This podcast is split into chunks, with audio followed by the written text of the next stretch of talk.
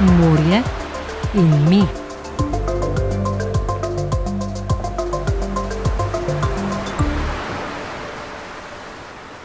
In če je hrupa v okolju preveč, eh, pride do kar nekaj problemov. Te živali morda ne morejo najti svoje hrane, ker rabijo za to zvok, lahko se dobesedno ne slišijo med sabo, kar pomeni, da je težko najti partnerja, da lahko pride do izgube stika med mamo in mladičem.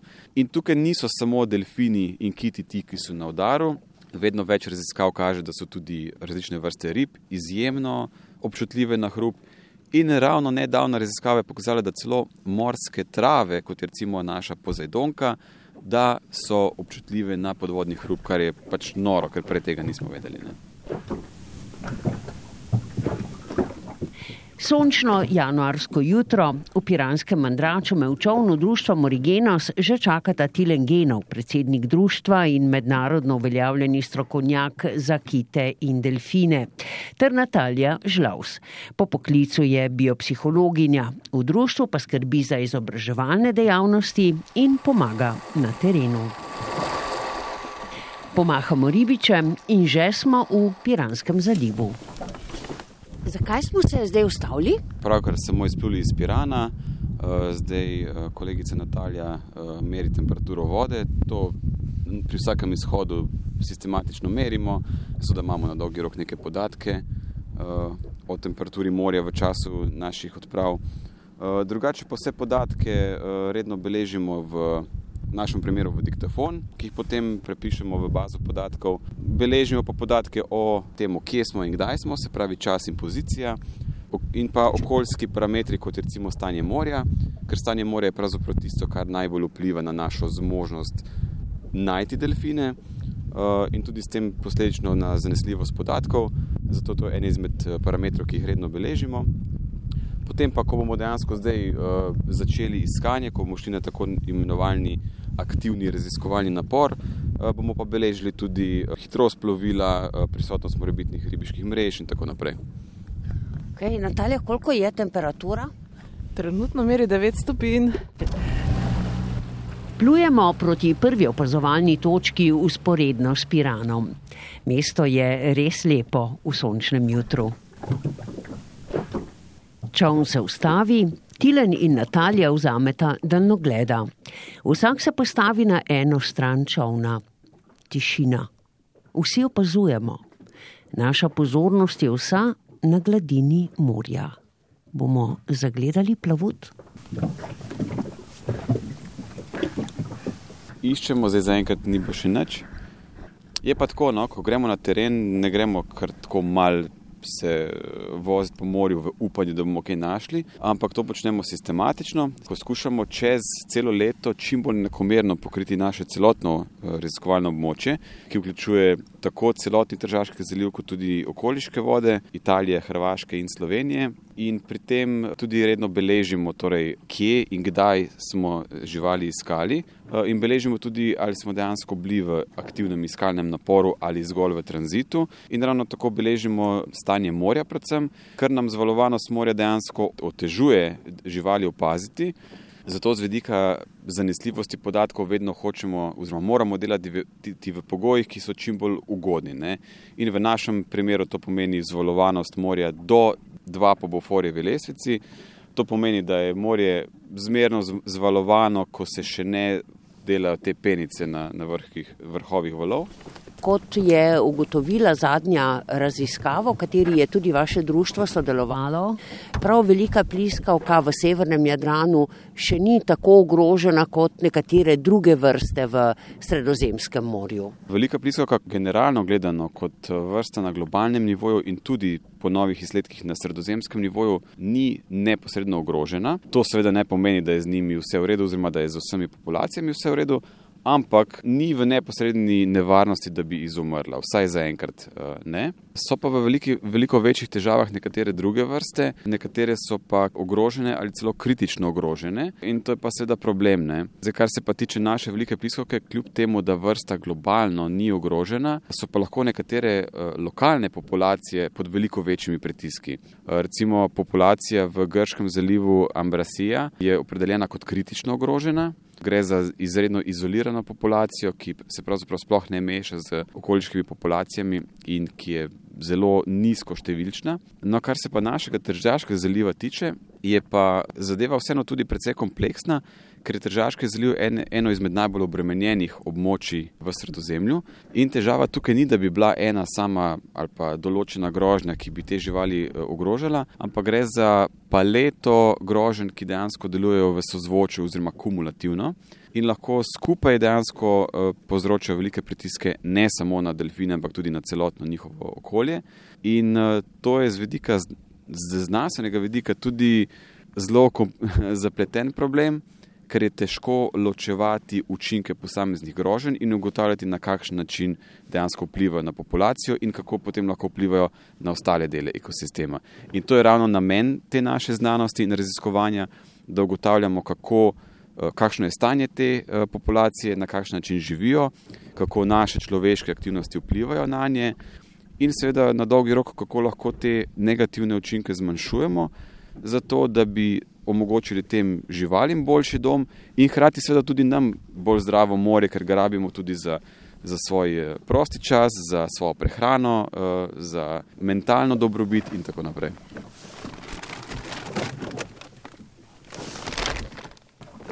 To so ribiške barke, ki vlečejo mreže za seboj, in včasih eh, delfini dejansko plavajo za temi ribiškimi barkami.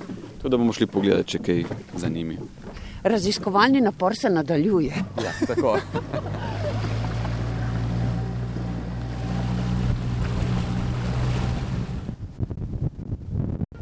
Kaj bomo zdaj naredili, Tilen? Dali bomo uh, hidrofon, uh, hidrofon je podvodni mikrofon v vodo in malo malce poslušali, kaj se kaj pod vodo sliši. Če slišimo kakšne delfine, oziroma kakšni so nasplošno zvoki pod vodo trenutno. Evo, zdaj recimo bomo lahko slišali, kako se sliši pod vodo, če ste recimo delfin, tako rekoč. Zdaj okoli nas so dve ribiški barki, en hitri čovn mimo pluje in pa ena velika tovorna ladja je približno dve milji od nas in tako se sliši dejansko trenutno pod vodo.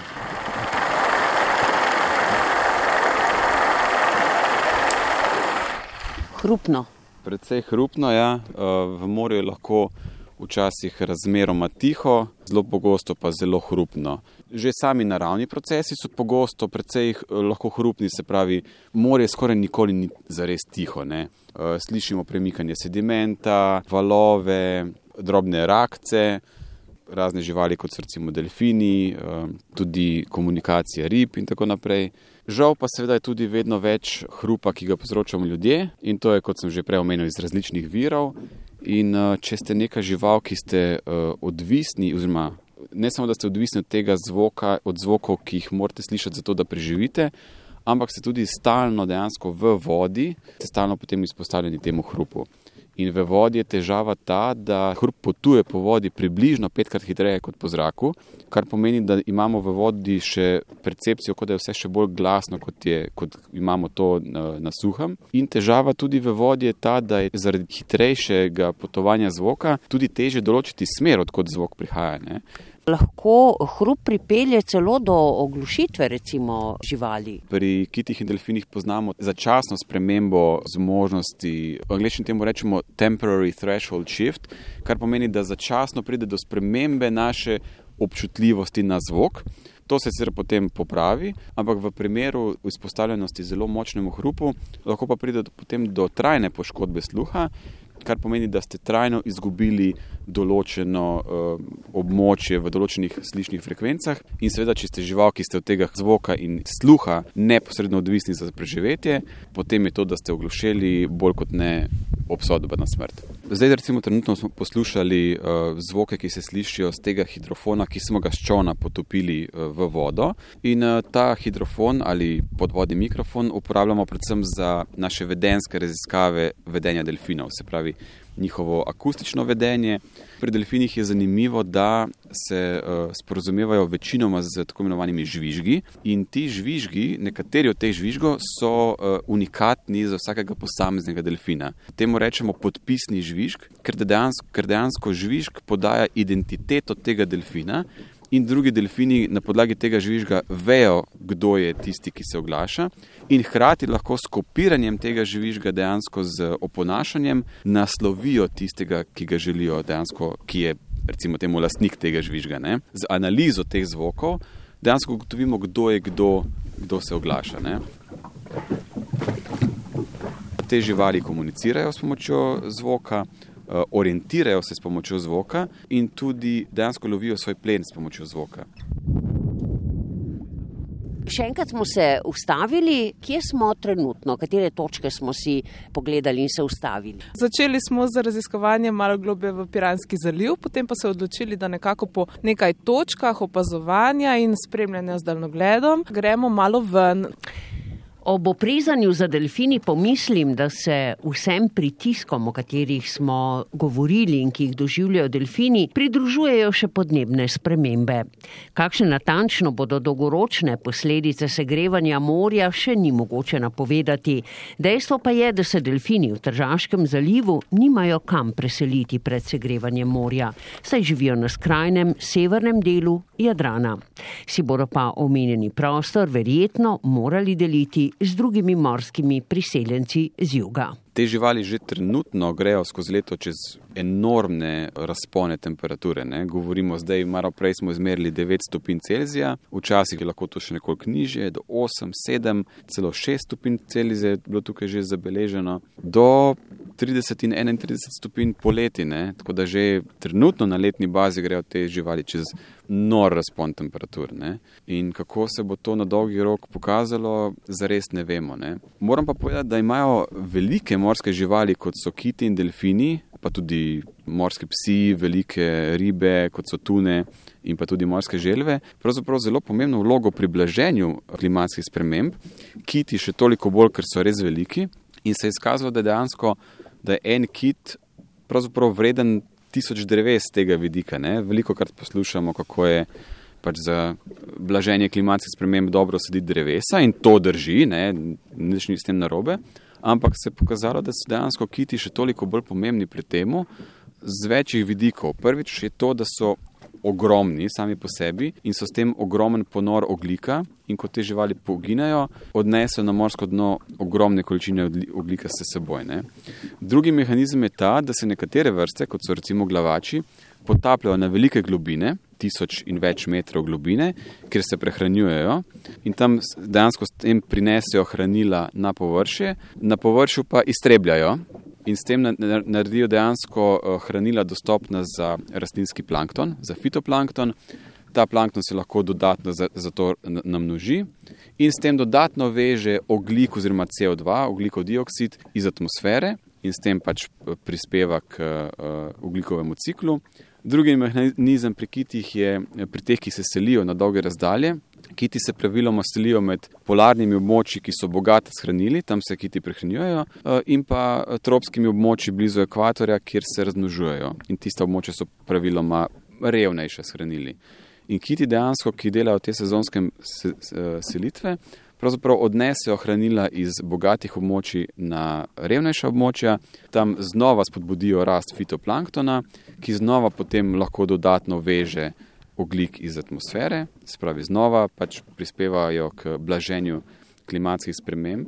Ko smo zdesetkali populacije kitov z kitolovom v 19. in 20. stoletju, smo pravzaprav smo se tako malo ustrelili v koleno z tega vidika, ker se je zdaj pokazalo, da če želimo čim bolje blažiti klimatske spremembe, pravzaprav rabimo zdrave in velike populacije kitov, ker imajo tako pomembno vlogo dejansko v svojem ekosistemu oziroma na zemlji kot celoti z tega vidika. Naš raziskovalni dan, počrtan z budnim oprezanjem za delfini, se bliža koncu. Še dan prej sta dva priplavala v Piranski zaliv, mi pove Natalija Žlaus. Prav njo vprašam še, kaj bi bila za društvo Morigeno ščešnja na torti dveh desetletij raziskovanja delfinov. Na ravni Evropske unije so namreč bili prepoznani kot primer dobre prakse monitoringa. Za nagrado so dobili kratek dokumentarni film o svoji dejavnosti. Nam manjka samo še nekaj, en prost prostor, v katerem bi bili odprti za javnost. Prostor, kjer bi kdorkoli lahko izvedel marsikaj o delfinih, o njihovem preučevanju, metodah preučevanja in v bistvu en prostor, v katerem bi vsi uh, lahko tudi se aktivno izobraževali, sodelovali in skratka bi bil ta prostor tudi nekako povezovalna, stičična točka med različnimi akteri, ki so povezani z morjem. Mi vsekakor smo izjemno veseli, da smo že na poti tja, k tisti svečki ali pa češnici na vrhu torte.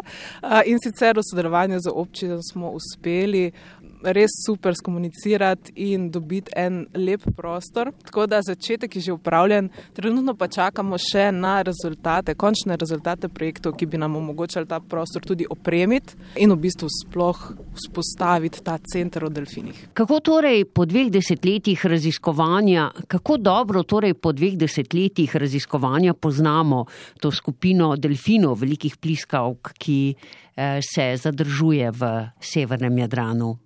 Tilengenov? Lahko rečem, da je postala že kar ena izmed bolje preučenih populacij delfinov v sredozemlju. O njih vemo že precej veliko, po drugi strani pa vemo vseeno še zelo malo. Ne? Smo tako rekoč le popraskali po površini in seveda vsaka neko novo spoznanje potem porodi tri nova vprašanja. Ampak te živali so se pokazale za zelo zanimive, ne samo z tega vidika, da so tukaj prisotne in da je to dober znak za uh, okoliški ekosistem, ampak tudi z posebno znanstvenega vidika, ker določena vedenja teh živali tukaj so se pokazala kot uh, unikatna in uh, izjemna na svetovnem merilu. No, tokrat se delfini niso prikazali ali pa jih nismo opazili, ampak z društvom Origeno zagotovo nismo bili zadnjič na morju. In tu zaključujemo današnjo oddajo Morje in mi. Najdete jo tudi na podcastih RTV Slovenija. Slišimo se čez teden dni. Morje in mi.